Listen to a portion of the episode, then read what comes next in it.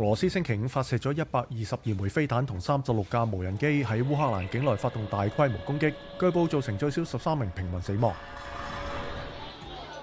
利比亚星期二发生运油车爆炸，造成四十几人死亡、八十三人受伤。事故发生后，几十人聚集喺周围收集汽油。